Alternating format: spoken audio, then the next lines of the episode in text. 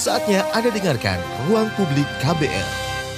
Selamat pagi, kita berjumpa kembali dalam ruang publik KBR bersama saya Don Brady dengan tema pagi hari ini, mengapa kasus prostitusi anak terus terjadi. Saudara Komisi Perlindungan Anak Indonesia atau KPAI baru saja merilis laporan soal prostitusi anak selama triwulan pertama di tahun 2019. Disebutkan KPAI mengawasi dan memantau 8 kasus menonjol yang sudah ditangani kepolisian. Kasus-kasus itu tersebar di berbagai penjuru Indonesia dengan prosentase jumlah korban pada setiap kasus rata-rata di atas tiga orang orang. Melihat data anak korban trafficking dan eksploitasi pada tahun 2018, kasus prostitusi pada anak paling dominan mencapai 93 kasus jika kita bandingkan dengan kasus lainnya yakni anak korban perdagangan, anak korban ESKA atau SK dan korban pekerja anak. Mengapa kasus prostitusi pada anak paling tinggi dibandingkan kasus eksploitasi pada anak lainnya? Apa akar masalahnya? Apa langkah yang harus terus diambil agar angka ini bisa tertekan? Untuk membahas hal ini telah hadir di studio KBR Ai Mariati Soliha, Komisioner Bidang Trafficking dan Eksploitasi Komisi Perlindungan Anak Indonesia atau KPAI. Mbak Ai, selamat pagi. Selamat pagi, Mas Dan. Apa kabar? Oh, baik, sehat.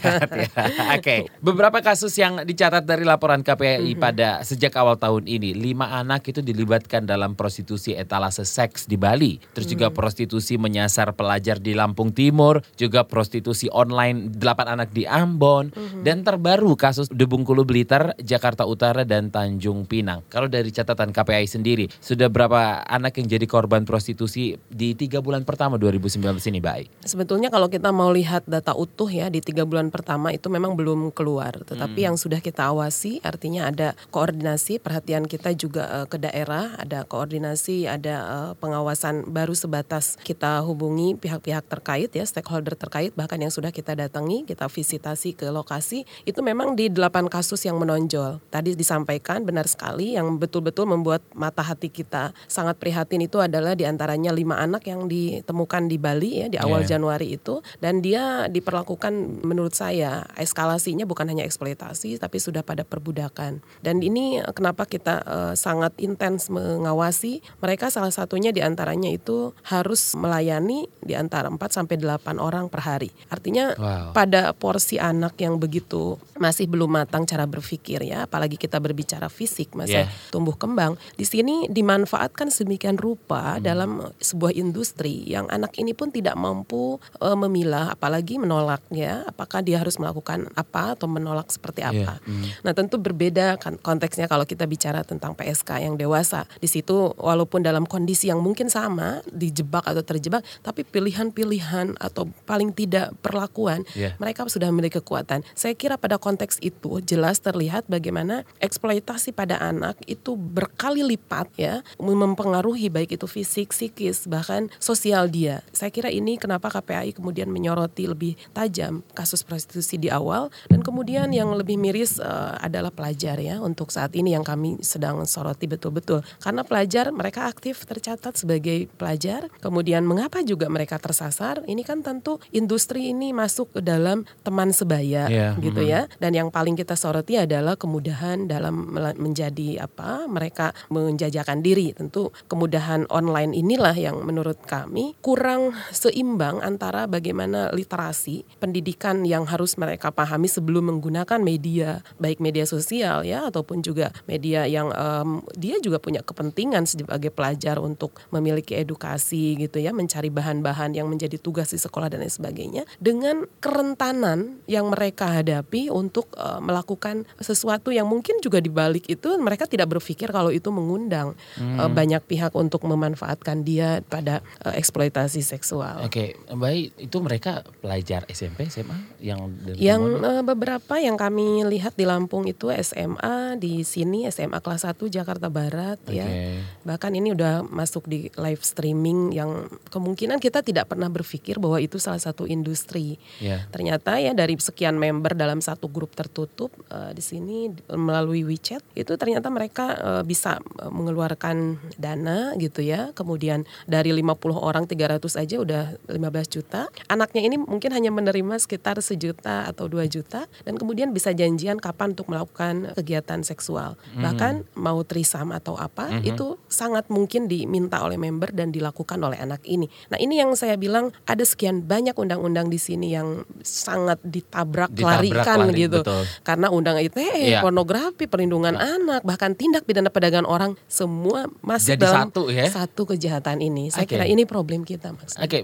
mengapa fokus prostitusi pada anak ini? Iya, selain tadi ternyata menimbulkan berkali lipat ya keuntungan itu problematika, oh, buat anaknya. Tentu kami kan melihat iya, bahwa yeah, yeah. ini ini problem besarnya gitu. Jadi anak bukan hanya disertakan atau hanya melihat uh. tidak, tapi dia di sedemikian dieksploitasi gitu ya. Sehingga uh, di dalam kasus yang kami tangani sungguhnya trafficking dan eksploitasi di bidang saya itu menyasar empat ya. Salah satunya anak korban perdagangan, anak korban prostitusi yang sedang di kita pertajam ini, korban SK, eksploitasi seks komersial anak dan satu lagi pekerja anak. Nah, mengapa prostitusi jelas karena dilihat relevansinya 2018 tertinggi dari 329 kasus 2018 close per 31 Desember itu ternyata dari empat kategori yang tertinggi menduduki angka 93 itu ada anak korban prostitusi. Yeah. Pemilahannya baik offline artinya dalam kapasitas yang konvensional, anak didatangkan, anak diajak, kemudian janjian gitu ya, tidak perlu media dan anak yang e, mendapatkan yaitu saya bilang tadi ya, dalam kapasitas dia menggunakan e, online dia tidak mampu mendeteksi kerentanan hmm. yang tadi sudah disampaikan sehingga baik melalui offline atau melalui online anak ini masuk dalam kategori yang tertinggi untuk trafficking dan eksploitasi anak di tahun 2018. Yeah. Nah, ini diikuti oleh uh, temuan kami di 8 kasus ini. Dari 8 kasus yang kita dalami yang menonjol, 80 persennya itu online. Anak-anak yeah. yang menjadi korban prostitusi online dan dua di antaranya itu melalui yang tadi ya saya bilang konvensional. Nah, ini ini uh, tentu saya bilang kado buruk ya di awal tahun hmm. gitu.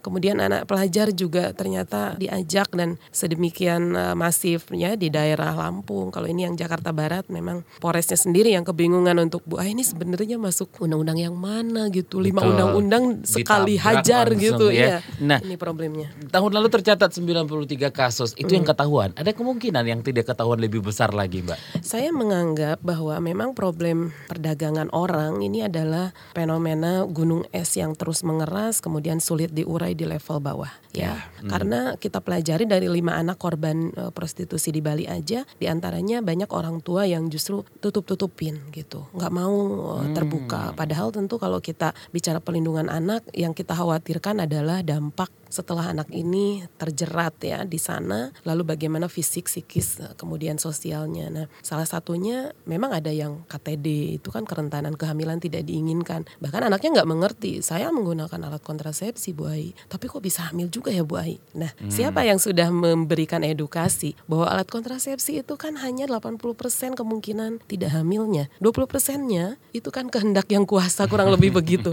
Nah, anak kan nggak mengerti karena memang belum saatnya untuk mengerti kontrasepsi ya, tapi pada akhirnya dia harus uh, memaksa diri untuk mengerti karena terjebak dalam situasi yang sangat rumit. Oke, kita harus break dulu ini Mbak I, nanti kita akan lanjutkan soal tema kita pagi hari ini mengapa kasus prostitusi anak terus terjadi. Ruang publik akan kembali.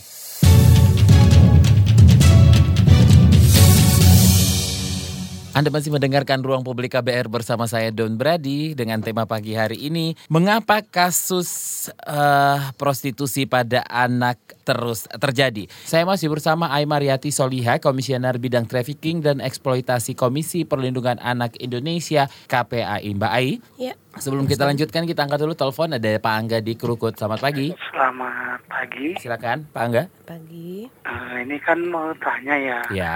Apakah prostitusi online itu bisa sasarannya itu bisa anak-anak yang berkebutuhan khusus itu hmm. uh, bisa kena nggak sih? Oke. Okay. Nah okay. terus pertanyaan kedua, zaman dulu kan belum ada ya, nah on online gitu. Nah terus mm -hmm. mereka itu kalau menjajakan diri itu seperti apa ya? Baik. Baik. Nah, tahun 90-an, tahun 80 ya, tahun terutama tahun 80 belum ada apa-apa nih. Gitu. Mm -hmm. Baik. Nah itu mereka itu kalau menjajakan diri seperti apa ya Pak? Mereka nunggu di pinggir jalan, apa nongkrong gitu sampai malam apa gimana ya? Baik, terima kasih Pak Angga, selamat pagi. Iya. Baik, nih mungkin uh, pertanyaan Pak Angga yang bilang kalau mm-hmm. apakah prostitusi, prostitusi online itu sasarannya bisa anak-anak yang berkebutuhan khusus juga? Ya, ini modus operandi ya paling hmm. uh, kurang lebih yang ditanyakan. Kalau menyasar anak berkebutuhan khusus, malah sebetulnya tidak harus melalui modus prostitusi atau eksploitasi yang uh, sifatnya ada mucikari. Kerentanan anak-anak disabilitas itu bermungkin 10 kali lipat hmm. dari peristiwa yang saat ini kita sedang bicarakan. Sebab mereka mereka itu justru kerentanannya pertama memang kurang mengenali situasi iya. lingkungan yeah. ya. Yang kedua ada di antaranya memang orang-orang yang justru memanfaatkan keterbatasan orang-orang atau uh, kelompok disabilitas ini untuk kepentingan seksual mereka. Nah, saya bilang uh, bahwa apakah mereka masuk dalam kategori prostitusi karena ini ada industri kalau dalam kasus prostitusi ini. Tentu uh, ini harus diperdalam lagi. Sejauh ini kami belum punya data itu. Akan tetapi kalau melihat kasus-kasus yang ada seperti incest di Lampung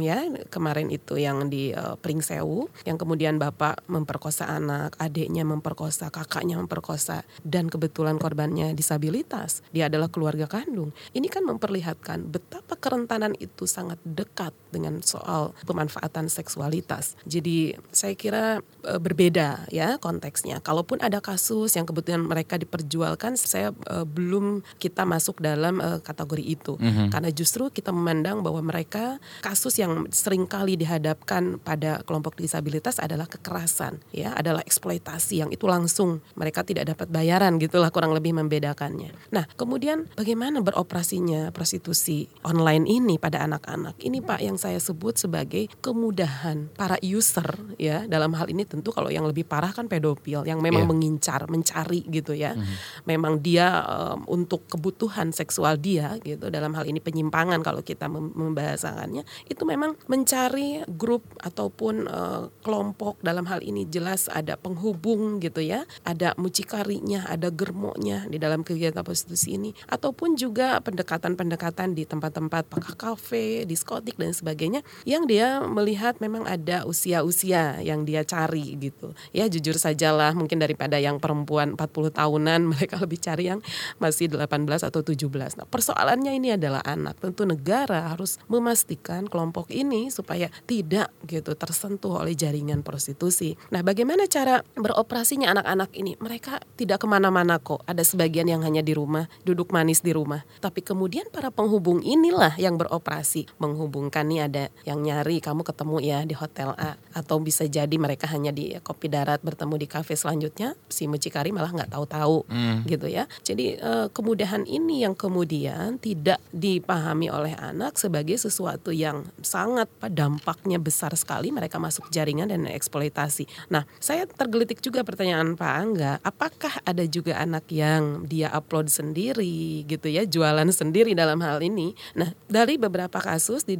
2018 memang kami sampai menunggu BAP ya artinya sudah di kepolisian anak-anak ini dan saya sangat yakin ada mucikarinya di situ mm -hmm. ternyata tidak keluar keluar siapa mucikarinya dan betul-betul kata kepolisian Bu Ai ini sudah menandakan bahwa anaknya sendiri yang menyalahgunakan ITE dia okay. mengupload dirinya gitu ya kemudian menjual uh, bilang bahwa dia open booking kalau malam harga sekian Modusnya duit. Lagi-lagi dia cuma menginginkan uang jajan lebih. Jadi hmm. tidak terlalu untuk kepentingan yang mungkin ini menjadi perhatian ya yeah. kalau anak-anak yang uh, di dalam apa kemiskinan yang luar biasa orang tuanya ini kan ya selalu juga ada si alasan itu. Tapi ketika satu kasus Makassar ini saya dalami eh, dan memang kenyataannya memang hanya kebutuhan uang jajan dan dia sendiri yang melakukan apa kemudahan online ini untuk prostitusi dirinya, saya kira ini pun tidak menutup mata kita. Yeah. Harus betul betul-betul mm-hmm. anak-anak ini justru kita bendung, kita uh, apa benahi hulunya gitu pengasuhannya sehingga tidak terjadi yang tadi Bapak sampaikan anak-anak menjajakan diri dengan sendirinya. Kalau modus dari anak-anak itu sendiri ya uh, uang pengen uang jajan lebih mm-hmm. atau mungkin ya alasan-alasan keluarga lainnya. Kalau dari para pelaku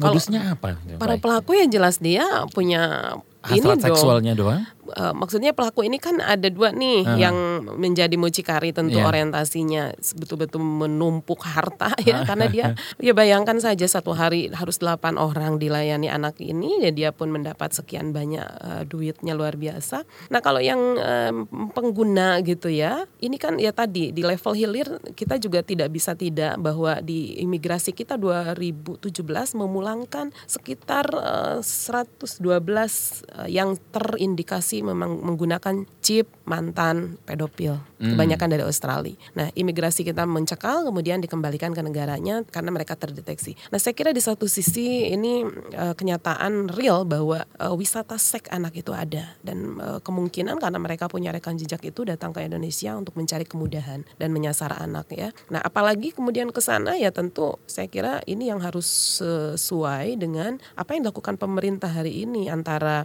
uh, banyak sekali pihak ngejar-ngejar anaknya yang digrebek dan lain sebagainya tapi mm -hmm. siapa usernya gitu ya mm. jangan dibilang ini pejabat terus nggak bisa disentuh dan lain sebagainya mm -hmm. saya kira ini harus sama lah harus seimbang gitu bahwa problem prostitusi online misalnya yang melibatkan artis ya waktu kemarin itu kan penggunanya itu nyaris tidak tersentuh yes. nah kalau konteksnya anak saya Betul. bilang ini harus seimbang ya karena kejahatan karena melakukan seksual dengan anak adalah kejahatan itu Betul. harus dipahami oke okay. dalam hal ini korban lebih banyak laki-laki atau perempuan baik ya, perempuan. Kalau di 2016 ya? Data akumulatif kekerasan seksual itu laki-laki. Hmm, sekali Semua. lagi uh, rentan usia mereka dari usia berapa ke berapa? SMP itu dari 14 sudah ada ya catatan di kita ya? sampai 18 lah ya itu sudah mulai menginjak. Hampir sama di triwulan tahun ini. Uh, untuk di tahun ini kebanyakan SMK kelas 1 kalau yang masih sekolah yang uh, dia putus sekolah ya di usia 15 16. Oke, okay. langkah apa aja sih sebenarnya Mbak yang sudah ataupun yang akan dilakukan untuk membebaskan anak-anak dari kasus prostitusi yang melibatkan mereka sendiri nih?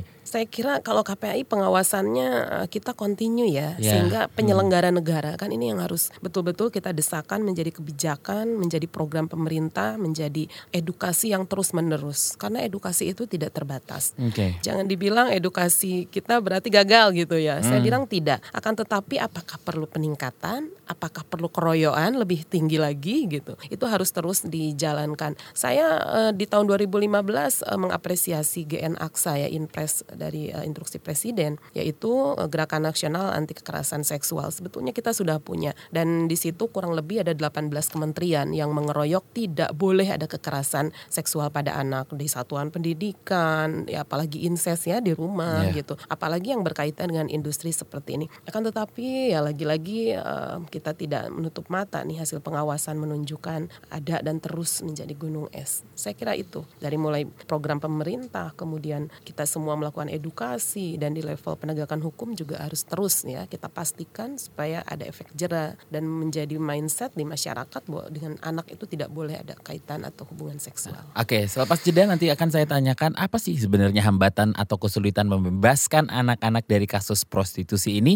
Jangan ke mana-mana, ruang publik akan kembali.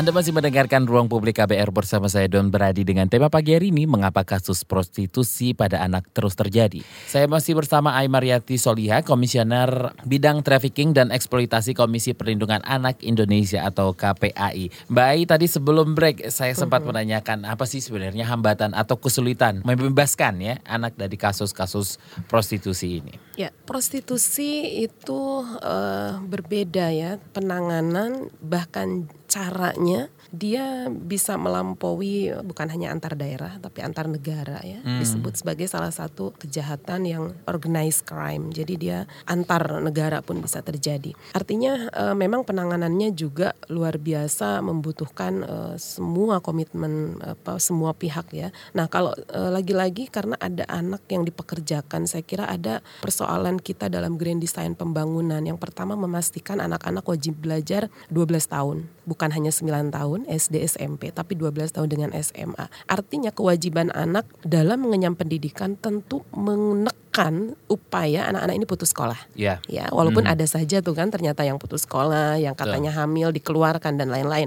Nah, jika hulunya pendidikan ini saya kira ada yang lebih hulu lagi adalah pengasuhan. Tentu kalau pengasuhan ada di semua lini. Nah, ketika pendidikan ini kemudian tidak diimbangi dengan komitmen pemerintah daerah misalnya ada saja anak-anak yang dari SMP kemudian tidak ke SMA, tidak 100%, ada aja yang tidak karena faktor ABCD ke- kemiskinan dan lain- maka kemungkinan mereka masuk dalam pekerja anak kategori terburuk anak salah satunya dengan adanya eksploitasi seksual itu sesuatu yang sangat mungkin tetap terjadi Oke. Gitu ya itu yang pertama. Yang kedua anak-anak ini juga ketika dipastikan itu juga mereka akan sekolah menutup kemungkinan munculnya pekerja-pekerja di ruang terburuk tadi dan kemungkinan perkawinan anak ya. Perkawinan anak itu kan seiring dengan ini anak gak sekolah luntang lantung tapi udah punya pacar keburu jina gitu kan orang tua kekhawatirannya. Iya, iya. maka dikawinkan. Belum tahu kondisi perkawinan anak itu seperti apa. Mereka seorang anak memikirkan anak bayangkan. Perkelahian dengan suami juga mungkin KDRT urusannya hanya game online bisa jadi bukan urusan besok masak apa dan lain sebagainya. Kemudian di dalamnya KDRT sangat tinggi maka angka perkawinan anak pun turut menyumbang anak-anak ini cerai dan kemudian yang laki-laki bisa bekerja apa saja. Ini ada datanya masuk ke data kriminal yang dilakukan anak-anak laki-laki biasanya kalau usia anak ya. Nah yang perempuan karena eh, mereka punya eh, di Undang-Undang 74 tentang perkawinan itu di usia 16 tahun ya minimalnya maka yang sudah masuk kategori janda kemudian dia punya tanggungan misalnya anak dan lain sebagainya migrasi kelompok ini pun masuk dalam kerangka prostitusi itu tidak sedikit gitu. Nah ini yang saya bilang kemudian kesulitannya seperti apa membebaskannya? Nah tentu tidak hanya problem anaknya yang eh, kita harus eh, drive supaya tidak masuk dalam industri ini. Akan tetapi juga ya problem-problem yang sebelumnya ini orang tua gitu ya. Kemudian eh, apa penegak hukum. Ya bahkan saya bilang eh, kelompok yang mengorganize yang menjadi mucikari yang memiliki keuntungan dari mengeksploitasi maka di level hukum lah penegakan hukum harus betul-betul digalakan. Jangan sampai di level bawahnya pada hangus di polseknya. Nah, ini yang kan paling susah disentuh yang mana tuh? biasanya otak intelektual. Justru itu malah yang Iya, oh, oh. operator lapangan sih kita ketemu. Oke. Oh, lu ya yang jadi rekrutmennya. Alah, lu. Koordinator lapangan ya. Ya, itu sudah Sudah kita- ketemu. Polisi gampang Ya. ya. Tapi kemudian siapa yang punya perusahaan ini, siapa yang punya industri ini. Kemudian ditambah lagi dengan online yang itu juga sangat sulit Ya. ya. Artinya waktu butuh dan eh, betul-betul karena melibatkan banyak orang kadang-kadang mereka eh, rekam jejak digital hilang. Pasti. Lalu bagaimana? Sementara korban ini jelas-jelas mereka mengaku berdasarkan misalnya ajakan atau rekrutmen by online. Nah di poin itu eh, KPI menyadari betul bahwa pentingnya kominfo untuk kita ajak bersama ya untuk membebaskan anak-anak dari potensi prostitusi online ini dan kemudian imbangi juga dong dengan literasi digitalnya. Pendidikan sebelum menggunakan media itu seperti apa?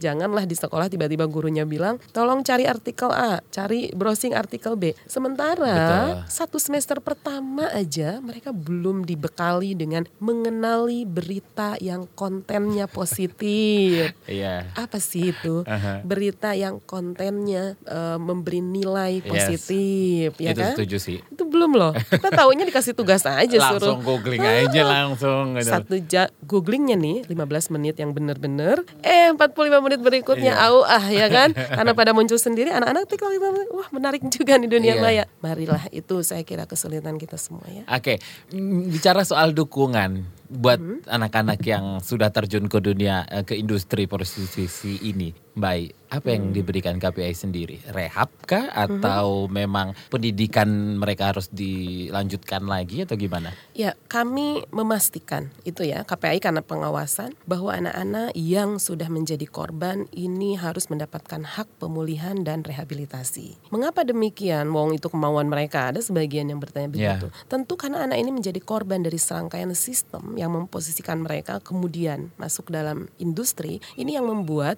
kita semua prihatin kemudian ingin mengambil langkah-langkah yang strategis ya. Di dalam usia 18 tahun dan kemudian masa depan dia masih di, membentang puluhan tahun ke sana, tentu kita harus bersungguh-sungguh bahwa anak-anak ini menjadi bagian dari investasi negara ya, investasi bangsa yang harus diselamatkan. Maka kami mendorong bagaimana penanganan ya di Kemensos gitu terkait anak-anak yang pemulihan, kemudian uh, rehabilitasi baik secara fisik. Yang fisik ini aja bahwa mereka harus uh, visum gratis gitu ya, tidak membebankan kembali kepada keluarga apalagi pelaku. Saya kira itu harus sudah dilaksanakan di semua tempat. Mm-hmm. Yang kedua uh, mereka harus betul-betul diidentifikasi apakah kekerasan yang dialami secara seksual itu tidak melahirkan uh, bentuk atau dampak uh, penderitaan selanjutnya misalnya apa kehamilan tidak diinginkan, kemudian terpaparnya HIV AIDS, kemudian juga anak-anak ini terpapar hmm, penyakit seksual menular. Mm-hmm. Karena itu tidak tidak menutup kemungkinan, ya kan? Bayangkan dari aktivitas yang itu kemudian dilakoni berbulan-bulan bertahun-tahun.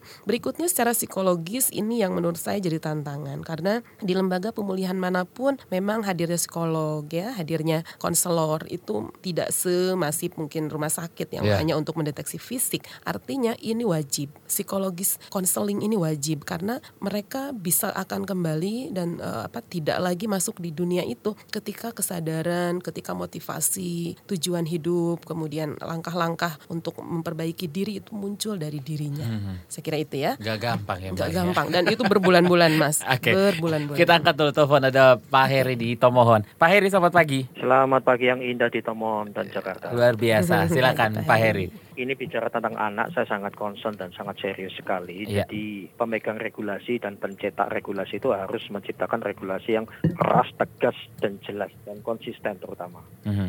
Yeah. Karena ini masa depan dan anak-anak tidak boleh dirusak dan disesatkan.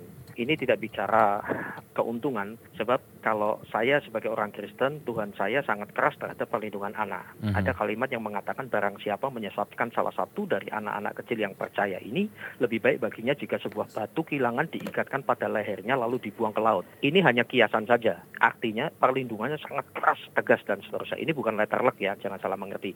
Tapi concern betul perlindungan terhadap anak karena masa depan itu ada pada mereka. Demikian terus maju KPAI dan saya mohon supaya regulasi tetap konsisten dan harus tegas dan jelas dalam hal ini. Sukses ya. selalu KPAI. Baik, terima ya, kasih terima Pak Heri di Tomohon. Silakan. Baik. Betul sekali Pak, regulasi ini kita sebetulnya uh, betul-betul betul ya bukan langkah yang paling akhir sebetulnya ya di dalam penegakan hukum ini karena kalau hukum itu kan sudah terjadi ya bahwa regulasi ini juga betul-betul menyasar pada pencegahan optimalisasi pencegahan jadi kalau di dalam Undang-Undang 35 2014 tentang perlindungan anak mengatur fungsi keluarga tanggung jawab keluarga selain dia mendidik mengasuh gitu ya memastikan uh, mencegah terjadinya perkawinan anak kemudian uh, dia juga harus mendapatkan pendidikan uh, karakter gitu, pendidikan budi pekerti. Nah, sesungguhnya kan di sini tantangan kita, pengasuhan orang tua yang sebetulnya sudah diikat oleh regulasi. Nah, jadi kalau kami uh, pas semangat di dalam imandat ya implementasi undang-undang, maka masyarakat memberi pengawasan juga apakah sudah melakukan itu semua keluarga Indonesia ini gitu ya. Uh-huh. Dan uh, siapa negara pemerintah kita di level desa, kelurahan itu pun harus punya kesadaran penuh bahwa pemerintah kita ini sedang berbasis berbasis pada perlindungan anak. Kalau di satu daerah belum punya contoh salah satunya forum anak saja di level desanya, maka ini kan dipertanyakan sehingga mereka itu punya waktu luang anak-anak ini kemudian tidak lari pada gadget lagi, tapi ada prasarana sarana yang disiapkan oleh pemerintah. Contohnya sanggar tari, kemudian e, mereka dipartisipasikan dalam musrembang ya, musyawarah rencana pembangunan di level desa aja. Mereka bilang, "Saya ini mau jembatan, nggak mau tiap hari nyebrang sungai. Kalau mau sekolah, Pak, kadang-kadang nih sungai kalau pagi-pagi pasang anak-anak itu masih selutut siang hari orang tua yang tahu yang mungkin lewat ke sana itu sungai nggak ada kok sungai kering kok nggak ada nah yang mau didengar pendapatnya siapa sementara anak tiap pagi misalnya nih di daerah tertentu ya sampai saya bilang anak-anak ini yang nyebrang di situ poinnya berarti didengar pendapat anak Setuju. dimasukkan di dalam agenda pembangunan di level desa kecamatan dan bahkan dia di seluruh pembangunan baik kita harus jeda lagi nih bayi nanti habis jeda kita akan bacain beberapa WhatsApp yang sudah masuk. Jangan ke mana-mana, tetap di ruang publik KBR.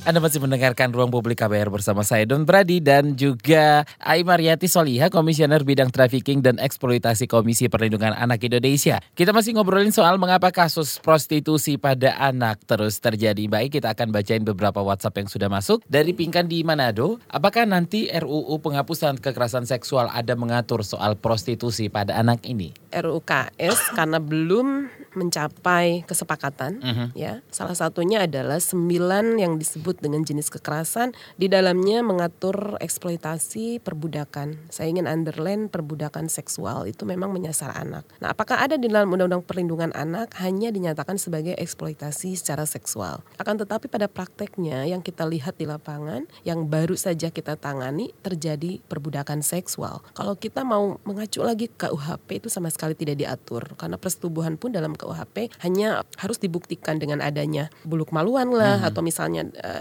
dan lain-lain ya yang memang itu sangat kasat. Nah, tentu harapan kami ada undang-undang yang mampu menjawab kebolongan hukum ini gitu ya. Apakah RUKS sangat letterlek? Iya. Dia dia mencoba untuk memunculkan persoalan-persoalan kekerasan seksual yang ada di masyarakat yang itu belum tercover di dalam hukum kita. Nah, mengapa undang-undang perlindungan anak e, belum sedemikian komplit sesungguhnya yang kita pahami sebagai kejahatan seksual karena di dalam perlindungan khusus bagi anak salah satunya adalah eksploitasi seksual, perdagangan perdagangan anak dan kemudian ada kejahatan seksual. Nah, masuk dalam kategori kejahatan seksual ini ketika anak di atas eksploitasi. Terjadi eksploitasi seksual tapi kemudian ada perbudakan kurang lebih tadi saya menyimpulkan demikian. Nah, ini masuk dalam pasal kejahatan seksual ya. Nah, kejahatan seksual ini kemudian sudah memiliki unsur aturan undang-undang yang disebut dengan pemberatan hukuman pidana tambahan pidana pokok dari 15 tahun ditambah sepertiga menjadi 20 tahun. Kemudian yang kita kenal juga tambahannya adalah kebiri kimiawi, kemudian pemasangan chip chip elektronik dan pengumuman di berbagai tempat strategis untuk hmm. menutup keberulangan. Saya kira di dalam revisi Undang-Undang 35 ini untuk uh, pemberatan ini kita belum mampu me mengimplementasi karena masih terkait dengan eh, RPP-nya ya, apa rancangan peraturan pemerintahnya. Nah, kalau konteksnya anak kita sudah punya uh, beberapa tapi kemudian apakah ini bisa menjawab dan sudah implementatif, maka itu yang akan sedang kita lakukan. Nah, prostitusi anak yang macam ini yang tadi terjadi perbudakan ini yang saya kira uh, belum terjawab gitu. Sehingga saya sih berharap uh, di RUKS yang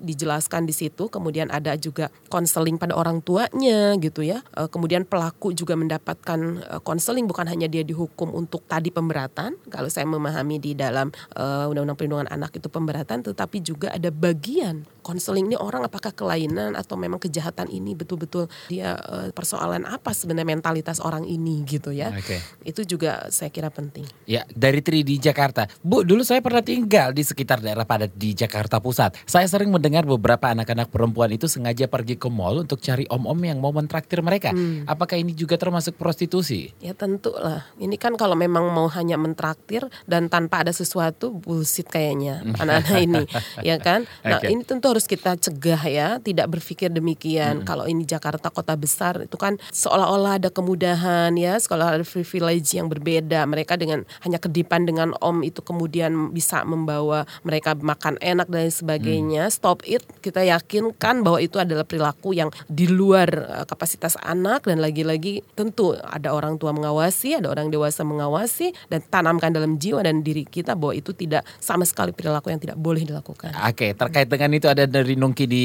Tangerang. Hmm. Saya sekarang kalau lihat anak-anak remaja berombongan lalu ada orang dewasa bersama mereka kok bawaannya curiga ya? Curiga kalau anak-anak itu mau diapa-apain gitu. Iya bagus kecurigaannya laporkan aja deh Mbak kalau memang apalagi sudah uh, indikasinya wah ini anak-anak ini mau dibawa ke hotel kah atau bagaimana. Saya bisa kira, langsung dilaporin Bisa, gitu ya? ini bagian pengawasan kok masyarakat. Ya. KPI hanya di level pusat dan 35 kota kabupaten sedikit. Mereka sangat mungkin nih Ibu nih jadi alat pengawas kami secara partisipasi. Mm -hmm. Partisipatif masuk ke kita, Bu, hai ada gejala seperti ini. Nah, yang punya kewenangan kita koordinasi dengan polsek mana pun gitu ya. Dan bisa jadi ini laporannya jangan dibuat-buat juga ya. Kita juga ampun ya, ya kalau hanya main-main mah. Ya. ada ratusan loh WhatsApp ke saya. Itu yang uh, saya kira menjadi bagian. Mari kita menjadi orang tua dari semua anak-anak Indonesia. Oke nanti saya akan tanya gimana sih caranya ngelapor ke KPAI tapi kita harus break lagi. Jangan ke mana-mana tetap di ruang publik KBR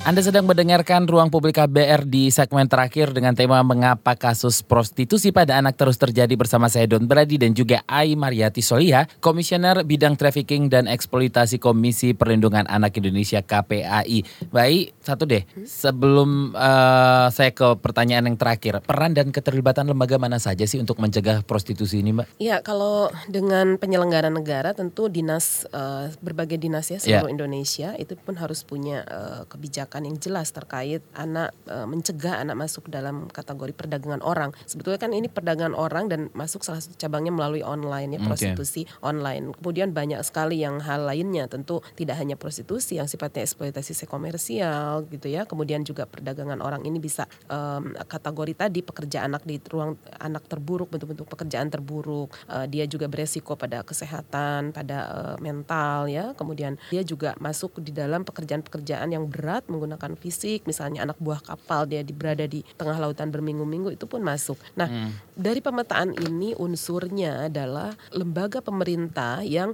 menangani berbagai isu ya, contoh pekerja anak dia ada di Kemenaker Trans. Yeah. Bagaimana mengikat anak-anak sekolah ini supaya tidak putus sekolah dan mereka sebetulnya punya juga non formal baik kursus dan lain sebagainya itu betul-betul menghadang gitu ya. Ini uh, membutuhkan komitmen bahwa mereka yang unskill itu memiliki skill untuk bekerja dan dan tentu tidak pada proses yang tadi, yang buruk tadi. Nah, kemudian dalam online ini yang lebih fokus lagi sesuai dengan yang kami suarakan di beberapa minggu lalu di KPI, tentu Kominfo, Kominfo sangat okay. uh, memiliki tantangan bagaimana mereka di dalam per akhir Maret kemarin sudah memblokir 11.282 akun medsos yang terjaring dalam prostitusi online ya. Itu sudah dilakukan dan punya alatnya. Mungkin swasta hari ini tidak punya gitu ya, tapi negara sudah punya, tapi kemudian gitu mereka tidak titik di situ tapi koma bayi yang lahir kemudian. Prostitusi online lain bahkan namanya bukan lagi open booking atau apa tapi misalnya pramuka begitu kita tag di dalamnya adalah pramuka itu adalah kinyis-kinyis dan lain-lain. Berkaitan juga dengan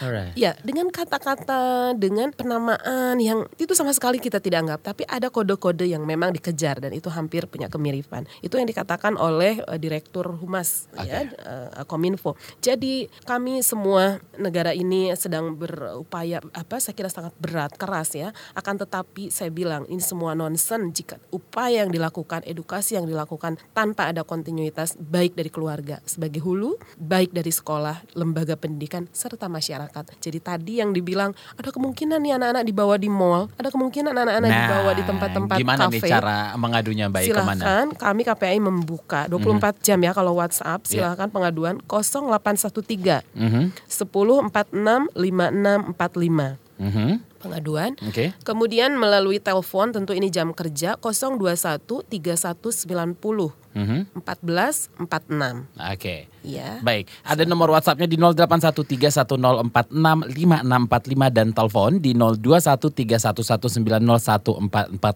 Okay. Ya. Mbak Ai Mariati Solia terima kasih atas waktunya ya, Mbak. Nanti sama -sama, kita ketemu lagi ya. Baik. Saya Don Beradi pamit. Salam. Baru saja Anda dengarkan Ruang Publik KBR.